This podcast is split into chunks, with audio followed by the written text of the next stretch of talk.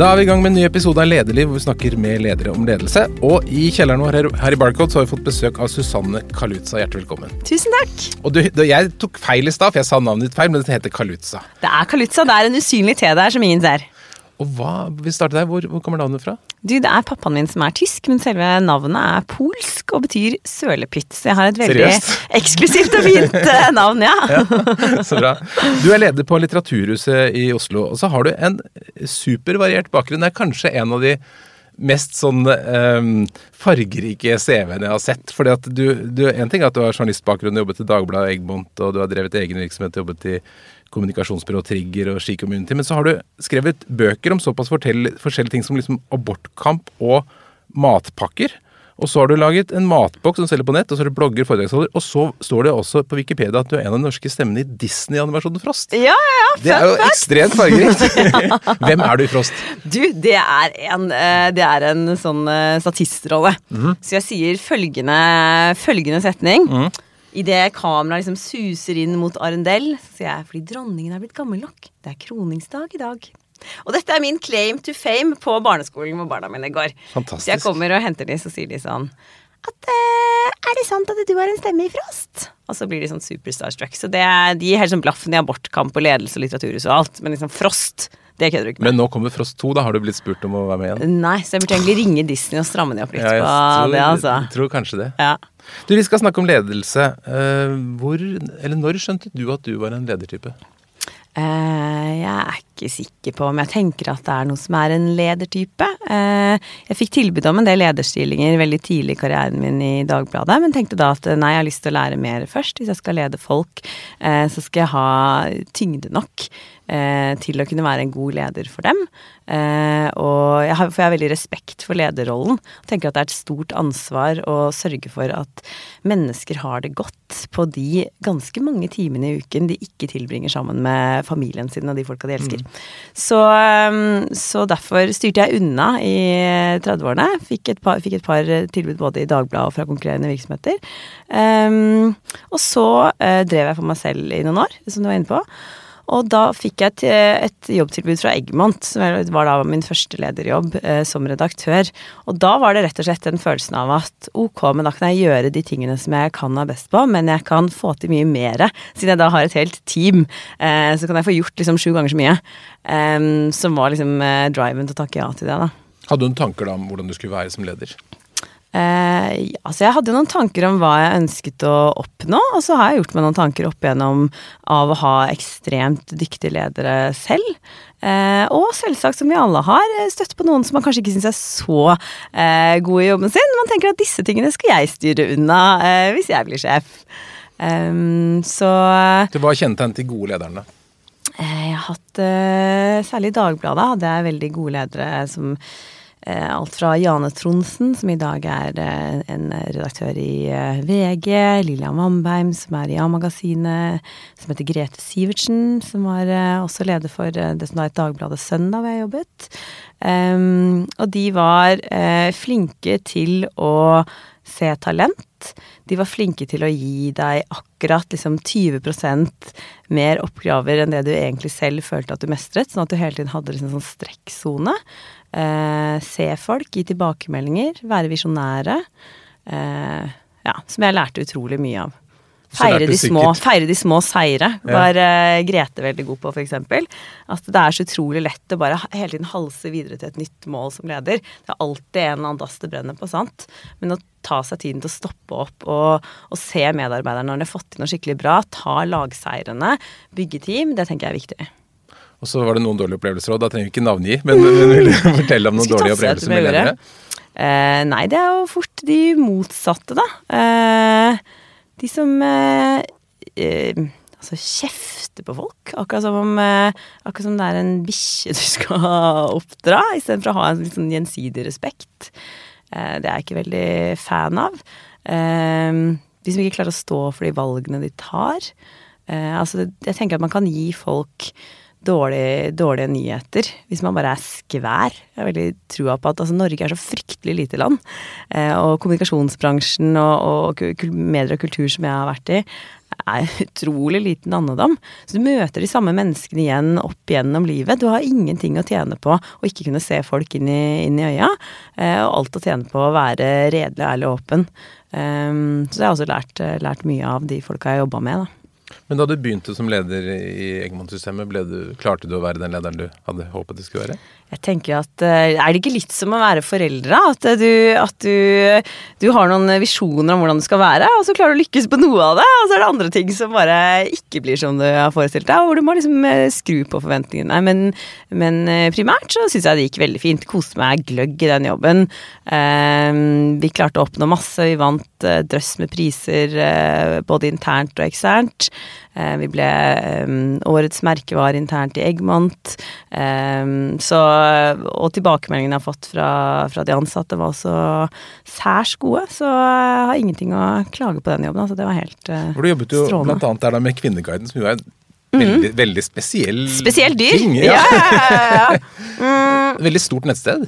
Veldig stort nettsted. Veldig gøy å håndtere liksom, altså, etiske utfordringer. Det var litt sånn, liksom bootcamp i, eh, i, eh, etikk. Det var veldig nyttig og, nyttig og fint. Um, og så gjorde vi en del liksom, gøye kampanjer. Vi gjorde bl.a. Kryss kvinner inn, som var en, en, kampanje vi gjorde med liksom, null i budsjett, uh, men, uh, men som handlet om å om å eh, vise frem den eh, systematiske liksom, underrepresentasjonen av eh, kvinner da, i kommunestyrer og fylkesstyrer. Det er ikke så mange som er klar over det, men vi er liksom fortsatt ikke oppe i eller var i hvert fall fortsatt ikke oppe i 40% kvinneandel. Det er ikke det at vi skal ha sånn millimeter nøyaktighet overalt. Men det er jo litt pussig hvis man går ut fra at vettet omtrent er likt fordelt mellom kjønnene. Det burde være sånn rundt regna 50-50, liksom. Og i ganske mange norske kommuner så er det jo enda skeivere. Det er sånn 20 20% og 10 eh, kvinner som bestemmer over oss. Som sitter i styre og stell og tar alle viktige avgjørelser. Mm. Om eh, man skal ha liksom, barnehager, sykkelstier, fritidsklubber osv. Eh, og da eh, så ser vi også at eh, det er veldig mange som ikke vet om dette med personstemmer, hvor viktig mm. det er. Eh, man tenker at man bare liksom, le leverer inn stemmeseddelen som det er, men da vet vi at det er flest menn som setter kryss på stemmesedlene, og at de statistisk sett krysser inn flere menn. Så selv de dyktige damene som partiene har valgt ut, som har sagt ja, vi vil stille, som er prioritert høyt opp på listene, når man teller opp personstemmene, så faller veldig mange av dem ut, til fordel for enda flere hvite middelaldrende menn som står under de på listen.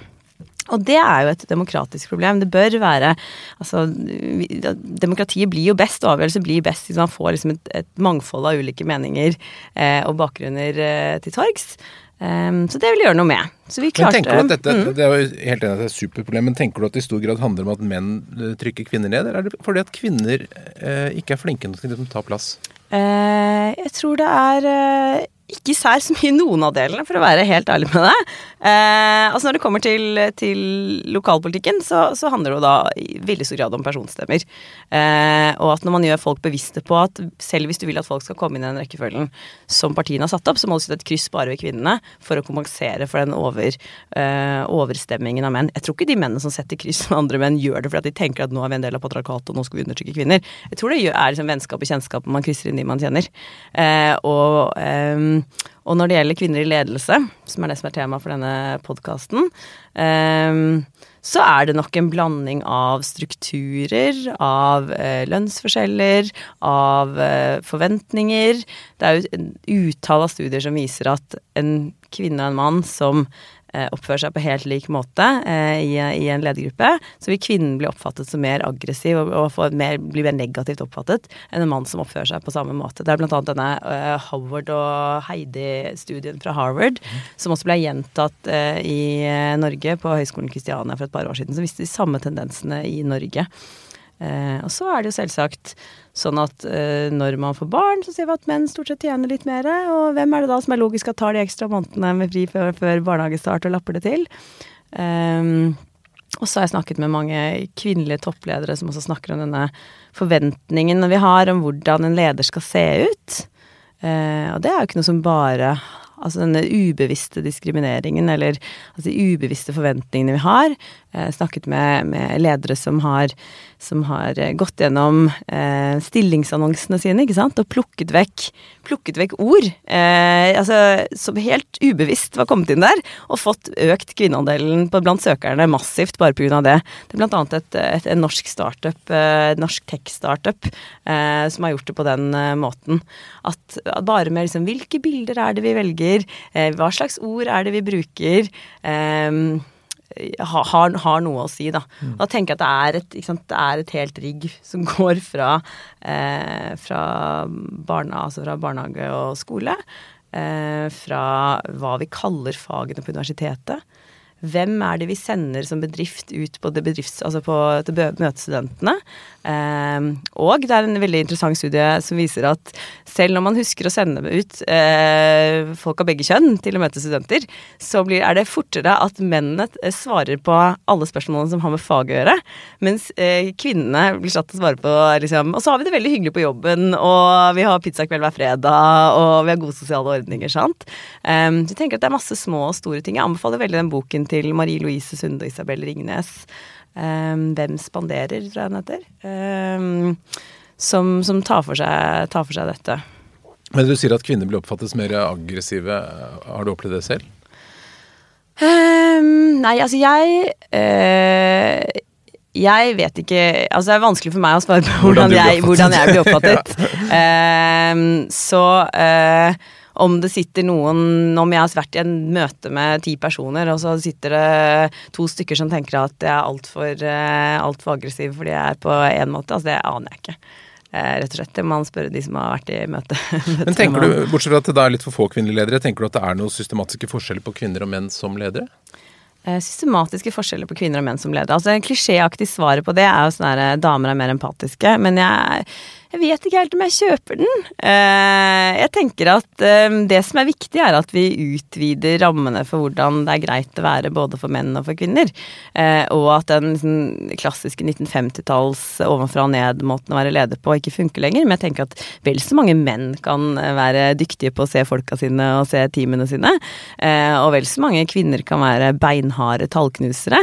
Men ja, kanskje ligger det noe biolog, biolog altså Det er det som er åpenbart, da for at ikke liksom hele de som hører på deg, skal bli sånn superirritert. Uh, det er jo åpenbart en biologisk forskjell mellom menn og kvinner. Det blir tullete å late som det ikke er det. Vi har en livmor og føder barn, og menn har det ikke. Eh, og hele den fødselen har blitt sånn debatten er liksom tøvete. Det er åpenbart en blanding av begge. Om vi ligger på 80-20 eller 60-40, det, det, vet ikke jeg, og det vet ikke forskerne heller. Eh, så, eh, men om kvinner fra naturen av er mer anlagt til omsorg fordi at vi driver med barnefødsel og sånn, kanskje. Du har siden 1. mai vært mm. leder for eh, Eller kanskje 2. mai, da. vært leder for, for Litteraturhuset. Hvorfor tok du den jobben? Eh, jeg syns jo det var en helt fantastisk spennende jobb som kombinerte eh, liksom alle de tråd, ulike trådene som jeg har drevet med. Altså, jeg er jo i bånn utdannet journalist fra Journalisthøgskolen i Oslo. Eh, og synes jo ergo at det skrevne ord er veldig interessant. Eh, og så har jeg gitt ut eh, flere bøker selv, som du, eh, som du, nevnte. I tillegg har jeg jobbet med ledelse, og i tillegg så har jeg jobbet med kommunikasjon. Jeg har vært, jeg har vært leder av et selskap før. Og så har jeg drevet med masse sånne kampanjer, sant, som, en, som, som handler om samfunnsansvar. og på Litteraturhuset så får jeg muligheten til å gjøre alle disse tingene. vi skal Altså vi er jo en ideell stiftelse.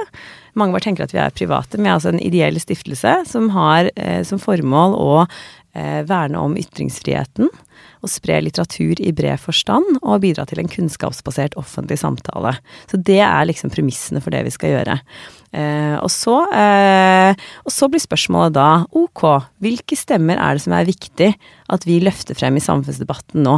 Hvilke debatter og hvilke samtaler er det som ikke blir tatt? Hvem er det som ikke blir hørt? Hvordan kan vi bidra til å prøve å gjøre samfunnet vårt, byen vår, landet vårt, enda bitte lite grann bedre ved hjelp av kunnskap og litteratur? Det er det vi forsøker på.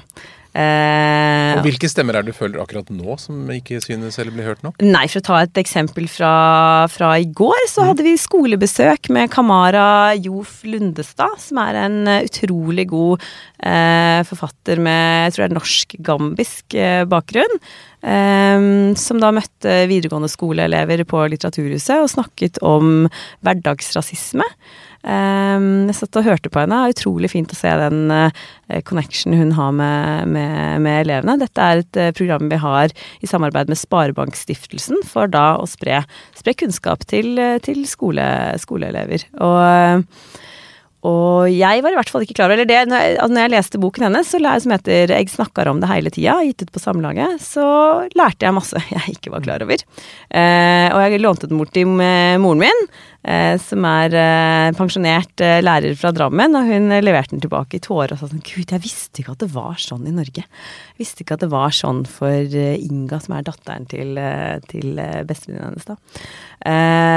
så den er veldig, veldig god. Jeg tenker også at jeg tenker også at hvis vi tenker på liksom hvilke grupper det er som, som fortsatt blir liksom systematisk eh, diskriminert, eh, og som fortsatt har mye fordommer rettet mot seg, så kan vi tenke at vi har kommet ganske langt når det kommer til kvinnekampen. sant? Norge er et, Norge er et ganske likestilt land. skal godt gjøres å finne altså I den grad vi ikke har likestilling i dag, så tenker jeg at det er liksom et liksom historisk mm. etterslep. Mm. Du finner ikke veldig mange toppledere eller styreledere i Norge i dag som sitter og tenker sånn Jeg skal lage en arbeidsplass som er systematisk dårligere for mine kvinnelige ansatte.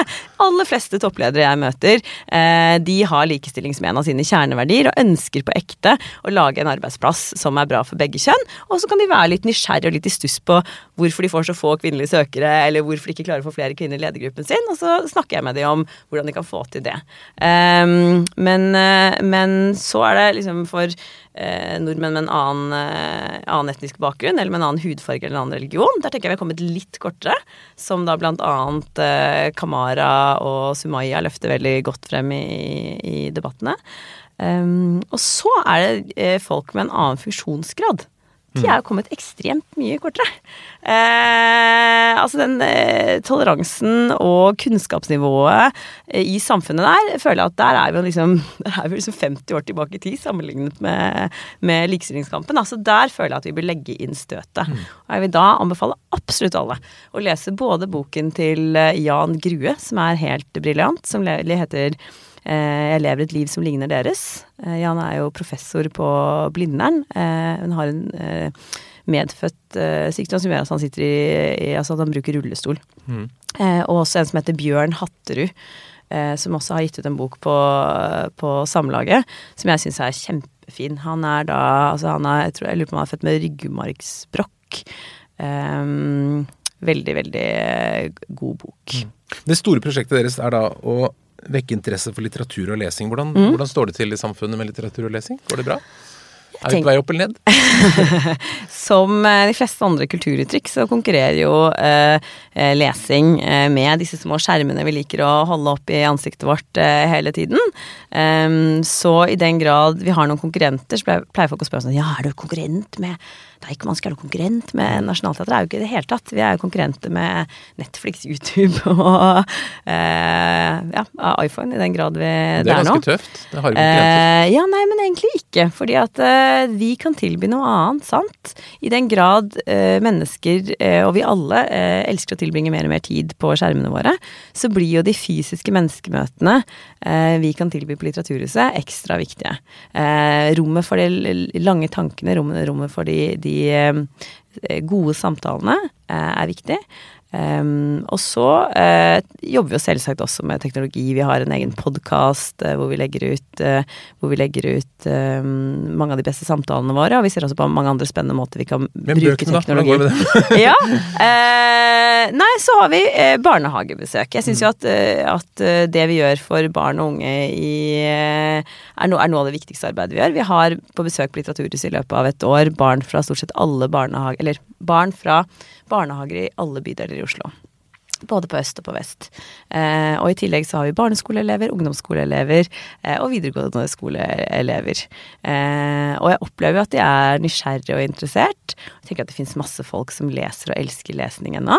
Men vi må, vi må, sørge for å legge enda litt mer pinner og blåse enda litt mer oksygen på de glørne som er der, sånn at det kan flamme opp. Jeg tenker at det er utrolig viktig for demokratiet, særlig i en sånn fake news-tid, at vi lærer opp en ny generasjon til å være eh, kunnskapstørste.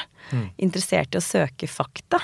Eh, og det finner man jo i bøker og i lesning. Så hvis, man først klarer, hvis vi først klarer å gjøre barn interessert i det, så er det en verdi som er med i hele livet. Så det tenker jeg er kjempeviktig, og som også flere, eh, flere store selskaper burde være interessert i. Burde, lesere, nei, burde ledere lese mye? Eh, jeg tenker jo at norske ledere leser masse allerede. Mm. Men det er klart at, eh, at, jeg tenker at man er tjent med Eh, og det er mye god management-litteratur. Jeg kan finne masse, masse, tips i det. Selv om jeg skal innrømme at akkurat når det gjelder management-litteratur, så har jeg byttet til en sånn, har jeg byttet til en sånn uh, app som heter InstaRead, hvor du får liksom highlightsene på syv minutter. Mm. For det er, jo stort, det er jo noen knep som er i hver bok. Men det fins jo ting i skjønnlitterær um, Så, så InstaRead er, er nyttig, ja. Men det jeg skulle si var at jeg ville nok anbefale å i enda større grad uh, lese skjønnlitteratur, da. De aller fleste selskaper har jo uh, noen verdier ikke sant, som de har plottet seg ut, som de skriver om i årsrapporten sin, men som de kommer til fra et liksom business-ståsted. Um, vi på Litteraturhuset kan egentlig de samme verdiene, men fra et uh, litterært ståsted. da, Få åpnet blikket deres for, et, for en annen ståsted. Uh, den verdien tenker jeg at skjønnlitteraturen uh, gir. Det er en sånn unik dypdykk inn i en annen menneskes sinn. Det kan få deg til å føle at du er den franske homofile arbeiderklassegutten som Edvard Louis skriver om, f.eks. Eh, det er jo en kunnskap vi ikke ville sittet med hvis ikke vi hadde lest eh, hans bok. Men er det noen bøker du tenker har formet eh, ditt lederskap? Måten du er på som leder? Noen bøker som har formet mitt lederskap. Eh, nei, jeg tror nok at mitt lederskap i større grad er formet av menneskemøter. Altså bare lederskapet, men jeg som menneske er jo selvsagt formet av de bøkene jeg har lest. Og da leste jeg utrolig mange flotte bøker om kvinnelige ledere når jeg var eh, Eller om ledere, da. Mm. Eh, og også mange kvinner når jeg var barn. I den historien om-serien. Ja, det var stort. Ja, Det var verdens beste serie. Den altså. Nei, vet du, den fins på biblioteket, jeg, og den fins på loppemarkeder, så jeg har funnet den og prøvd å Her kunne du ha en oppgave, altså, å løfte opp historien. Ja, ja, ja. Altså, jeg elsket den første jeg leste, var historien om Kleopatra. En sånn sterk, kynisk, beinhard strategisk maktspiller. Eh, som eh, først klarte å outfoxe Roma ganske bra, men så gikk det jo ikke så bra etterpå. da, Så var det denne slangen hun brukte til å eh, end it all etterpå. Men eh, hun klarte jo å skyfle ut broren som egentlig skulle være fara, og sette tronen selv. Og da, da, da, det var det henne du ville bli? Hva? Da var jeg syv år da jeg leste den. Jeg syns hun var utrolig rå. Hun var liksom den råeste kvinneskikkelsen jeg hadde lest. Bare what?! Så gøy. Eh, og så eh, Hun ga jo ikke opp heller, selv når hun får hele fuckings Roma mot deg, liksom. Så, så, klarer hun å rigge seg til på en måte sånn at hun forblir dronning av Egypt. Det er utrolig imponerende. Og så dronning Elisabeth den første av England. Elisabeth Tudor, datter av Henrik den 8., som satt fengslet i Tower of London eh, når hun bare var tidlig, sent tenårene til 20-årene. Satte seg ned på Traitors Gate i regnværet og sa 'jeg nekter å gå inn, jeg er ingen forræder'. Eh, og så klarte hun da å wait out eh, søsteren sin, eh, dronning Maria den blodige, Bloody Mary, som jeg, den drinken er kalt opp etter, eh, og bli dronning av England. Og en av de mest vellykkede regentene Storbritannia har hatt, en av de store gullårene eh, for, for England. da. At, og rødhåret. Og så sa du i stad at det var ingen bøker som hadde formet ditt lederskap. Jeg ja, tror vi kanskje avslørte noe her, at det, at det, har vært noen der. Du sa da i forbindelse med at du begynte på Litteraturhuset, så sa du at du skulle bli kjent med ansatte og sånn, åpenbart. Ja. Og så sa du at sammen skal vi finne ut hvordan Litteraturhuset skal løftes til neste nivå, både analogt og digitalt. Ja. Har du funnet ut? Er du kommet ja, du, til en løsning? Sitter en fasit. Nå, skal jeg, nå skal jeg gi deg en fasit her. Du, vi er eh, Nei, vi er godt, eh, vi er godt på vei. Vi hadde en eh, utrolig god åpningsuke her i høst, som jeg er veldig stolt av, hvor vi eh, så på um, privilegier og makt. Hvorfor er vi så redde å snakke om rasisme og våre egne privilegier? Uh, hvor vi da så på dette, dette, fra ulike litterære ståsteder. Vi hadde en som heter Claudia Rankin, som skriver poesi, som er professor ved Yale. Hun skriver også dramatikk, og vi hadde skuespillere fra Det Norske Teatret, et samarbeid med de, som hadde urpremiere på hennes stykke The White Card for første gang utenfor Amerika, på Litteraturhuset. Så hadde vi Igny Barrett, som er kåret til en av de mest eh, lovende forfatterne fra, eh, fra det afrikanske kontinent, eh, som skriver, eh, har en roman som heter Blackass. Så hadde vi Roxanne Gay, som skriver essay, og som eh, er spaltist i New York Times. Um, og som også lager tegneserie. World of Wakanda er en av de første liksom, svarte tegneseriene. Så for unge voksne hadde vi da et tegneserieprogram som så på svarte superhelter. For uh, mellomskoletrinnet så hadde vi Zombie-Lars, som også er en kjempegøy serie. Kanskje en av de liksom, beste barneseriene som er laget uh, på NRK de siste årene. Um, og så hadde vi for de aller minste barna så hadde vi bildebøkene om Rosa Parks og Maya Angelou. Så så vi liksom på det 360 grader, da. Ja.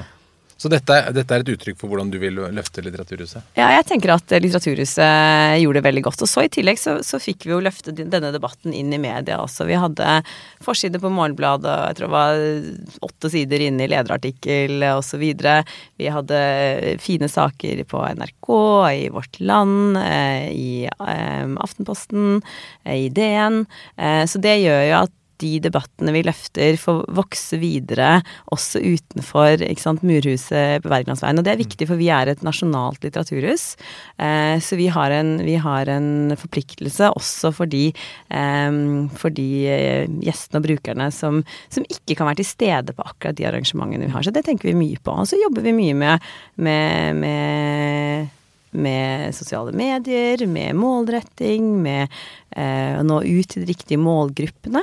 Um, så det er også et arbeid som er, eh, er godt på vei. Gleder du forteller jo fantastisk nå om alt du får til sånn i media, sånn, for du har jo den bakgrunnen og den erfaringen. Tenker du at det er spesielt viktig for ledere i dag? Det å være liksom medieflink og kunne bruke media i kommunikasjonen sin? Nei, altså jeg tenker, altså For oss som har som formål å bidra til en kunnskapsbasert offentlig samtale, eh, så er det jo viktig at, eh, at, vi gjør nettopp det, da. Mm. Eh, og at vi gjør det på de plattformene som finnes, hvor, hvor media er, eh, er liksom en av flere plattformer. Um, for ledere generelt så tenker jeg det kommer jo naturligvis helt an på hva slags forretningsmessige mål eh, selskapet har. Det er ikke nødvendigvis nødvendig for en leder å være synlig i media. Det er fint hvis de ikke er helt håpløse og svarer i øst og vest når media ringer. At de har visst liksom, strategisk blikk for eh, hva det lønner seg å si. Eh, jeg eh, ser jo, eh, ja, ser jo noen av meg som kunne liksom pussa litt ekstra på den, men, men, nei, jeg tenker ikke Jeg tenker at det kommer helt an på hva slags selskap du leder. Eh, hva det er som er viktig for selskapet ditt å oppnå. Og så må man velge seg ut de liksom, virkemidlene som, som, er, som, er, best. Da. Og prioritere tiden sin. Ingen ledere kan gjøre alt. Og det er et viktig spørsmål, for du er jo da et sånt kulturelt knutepunkt med impulser fra alle mulige kanter. Sikkert masse masse bøker du burde ha lest, og masse folk du burde ha snakket med, og mhm. bla, bla. Hvordan prioriterer du tiden din? Ja, Det er et godt spørsmål. Det er ganske Det har jeg blitt veldig mye flinkere på siden jeg ble leder. Så jeg kjenner at jeg har blitt hardere og hardere på tiden min. Altså når jeg snakker med, med andre venner som er i lederstillinger om hvordan gjør det, og helt ned på sånn hvordan avviser du foredragsforespørsler på en hyggelig måte. Hvordan avviser du folk på en, på en, på en god måte? Um, fordi at jeg får jo altså forferdelig mye e-poster, i likhet med alle ledere, om dagen. Jeg får veldig mange forespørsler om kan du ikke komme hit til oss i, i liksom eh, Trondheim, vi har dessverre ikke noe særlig budsjett, men det hadde vært så fint å høre hvordan men, dere jobber. Men hvordan gjør du det? Så har du laget deg en liste over A og B, eller hvordan, hvordan liksom tenker du rundt prioritering av tid? Det, det, jeg er ansatt for å gjøre, det er å, å, sørge for at Litteraturhuset oppfyller på formålene sine om ytringsfrihet, litteratur og kunnskapsbasert offentlig samtale. Så det er liksom, det er kjernen. I utgangspunktet så er min tid fylt opp av det. Så hvis jeg skal gjøre noe ut utover det, eh, så må det være fordi, det er, eh, fordi det er bra for Litteraturhuset, og fordi det er en del av, de målsettingene som jeg og staben setter oss. Eh, og så selvsagt forsøker jeg jo for å stille opp for, en, stille opp for en god sak. Men hvis jeg skulle sagt ja til alle henvendelsene, så, så, hadde jeg ikke gjort annet. Jeg kunne fylt opp hele ukene mine. Men selv om du bare jobber, jobber med kjerneoppgaven, så er det noe med at du dras mot eksterne og interne ting og sånn. Hvordan opplever du det spennende? Ja. Snakke med medarbeidere versus å snakke med kontakter? Jeg tenker at at det er fint å være eh, åpen med medarbeiderne sine om hva man bruker tiden på. Det er ikke noe som er mer irriterende enn en leder som bare sånn flakser rundt og tilsynelatende bare er synlig i media og aldri er til stede på kontoret. Superirriterende. Så man må, være, liksom, man må klare å vekte og være, være bevisst på det. Um, at man er til stede på kontoret og har liksom, liksom at man blokker ut i kalenderen sin tid til å være tilgjengelig for medarbeiderne sine, og se de og lytte til de og være on top av liksom dag-til-dag-arbeidet. Så er det også viktig for meg å skjerme tid til å gjøre de store strategiske tingene. Så jeg prøver å blokke ut noen dager innimellom eh, som jeg jobber hjemmefra eller fra, et, eh, fra en kafé, eh, hvor jeg da kan sitte og fordype meg mer uten, altså i de, i de tingene som jeg vet er viktigst. Og så har jeg en uh, skjema hengende på kontoret mitt, som er, en, uh, som er en, uh, et diagram med én akse som er prioritert fra lav til høy. Og hvem må gjøre den? meg eller delegere bort. Og så har jeg gule Post-It-lapper med, med liksom arbeidsoppgavene som jeg driver og flytter rundt på det diagrammet. Ettersom noe mer kommer opp på høy prioritet må gjøres av meg, så er jeg nødt til å flytte en annen lapp over på Hva er det som står der? Et par ting fra den listen som er høyt prioritert må gjøres av deg? Ja, For øyeblikket så er det statsbudsjettet, for nå ser det ut til at Litteraturhuset er kuttet en halv million i statsbudsjett. Mm. Så det uh, er veldig høy prioritet. Ja. Må gjøres av meg. Um, partnersamarbeid er en annen ting. Vi har tidligere, vi har tidligere hatt gode næringslivspartnere. Eh, og er på utkikk etter, etter, flere. Så å eh, snakke med selskaper som kan være aktuelt, finne ut hva det er vi kan tilby selskapene som er relevant og forretningsnært for dem, hvordan vi kan utfylle det de gjør på en god måte, eh, det er selvsagt veldig høyt prioritert å, å gjøres av meg. Og så er det andre ting. Jeg har en utrolig god administrasjonssjef, jeg har en god programsjef, eh, som er viktige ting, men som, som, kan gjøres av de. Og generelt en utrolig høykompetent og god stab. Og så da alle de henvendelsene du kommer får som ligger langt ned på listen, hvordan avviser du på en hyggelig måte? Nei, jeg har lært meg å si sant, for Det du ikke kan si, er 'jeg kan dessverre ikke på den datoen'. For da kommer de tilbake med sånn fem andre. fem andre da sier 'det går fint, bare velg en dato i november', sant? Og da er du litt, da er du litt fucked. Så det jeg har begynt å si, er at um, Eh, takk for veldig hyggelig henvendelse. Høres ut som et viktig tema dere skal jobbe med på denne konferansen deres, eller i denne ja, veien der er de spør om. Eh, på grunn av totalbelastningen på kalenderen min har jeg dessverre ikke anledning til å gjøre dette. Eh, med vennlig hilsen, eller ønsker dere lykke til videre. Ja. Um, og noen ganger legger jeg til 'i overskuelig fremtid'. uh, fordi det er, det er, realiteten. Altså, nå er kalenderen min full stort sett ut uh, fram til jul. Uh, og da må det være veldig viktige ting uh, for at jeg skal prioritere det inn, for det er noe annet som må ut.